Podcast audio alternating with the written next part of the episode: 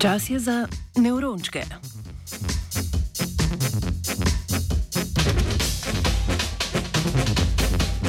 Naj si bo pri športu, petju ali pri pomivanju posode, človeški možgani uporabljajo svoje kompleksne sisteme žilčnih celic, med drugim tudi za percepcijo časa. Do zdaj najbolj uveljavljena teorija navaja, da se v možganih nahaja posebna struktura, nekakšna centralizirana ura, ki je dodeljena naloga procesiranja časa.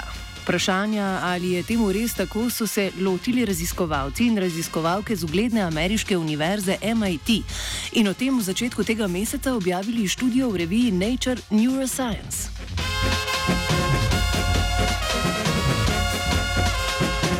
Izvedli so raziskavo na petletni opici in opičjaku vrste Resus makak, ki so ju za učinkovito izvedbo eksperimenta urili kar dve leti. Znanstveniki in znanstvenice so preučili, kaj se dogaja z možgansko aktivnostjo opic med izvajanjem motorične naloge. V ta namen so se poslužili snemanja aktivnosti nevronov treh možganskih regij: frontalnega korteksa, kaudatnega jedra in talamusa. Uspešno so posneli aktivnost kar 2000 nevronov, kar je največ odslej izvajanih raziskav s to metodo.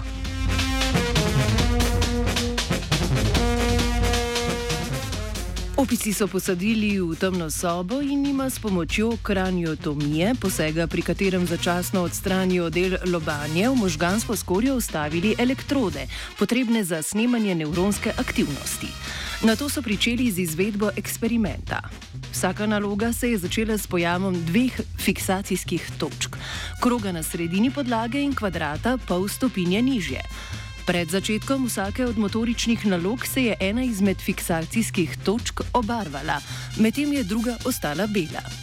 Obarvan krok je opici sporočil naj za uspešno izvedbo naloge uporabi premik oči. Obarvan kvadrat pa je za izvedbo zahteval premik roke.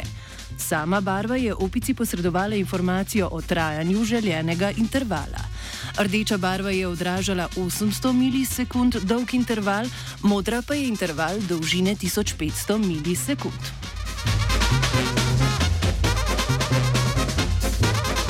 Konkretno, če se je pojavila rdeča barva, je opica vedela, da se od nje v naslednjem koraku naloge pričakuje motorični gib 800 milisekund po prikazu naslednjega držljaja.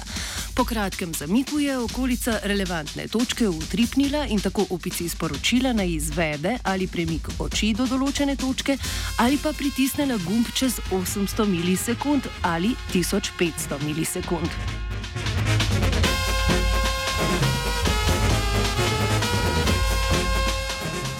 Zbrane rezultate snemanja aktivnosti nevronov so statistično obdelali ter jih ustavili v doslej obstoječe časovne modele.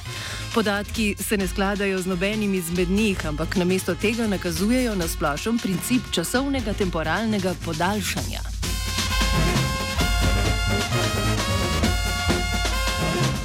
Princip časovnega temporalnega podaljšanja pomeni, da ko sta živali med izvajanjem eksperimenta producirali daljše intervale, je aktiviranje celic potekalo po isti nevronski poti kot pri izvedbi krajših intervalov. Razlika pa je bila le v tem, da je sama aktivacija celic potekala počasneje.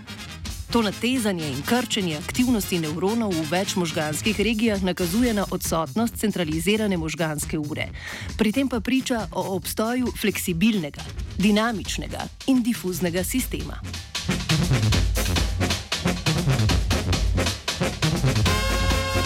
Zdaj vemo, v prazničnem času je o času razmišljal vajenec Marko.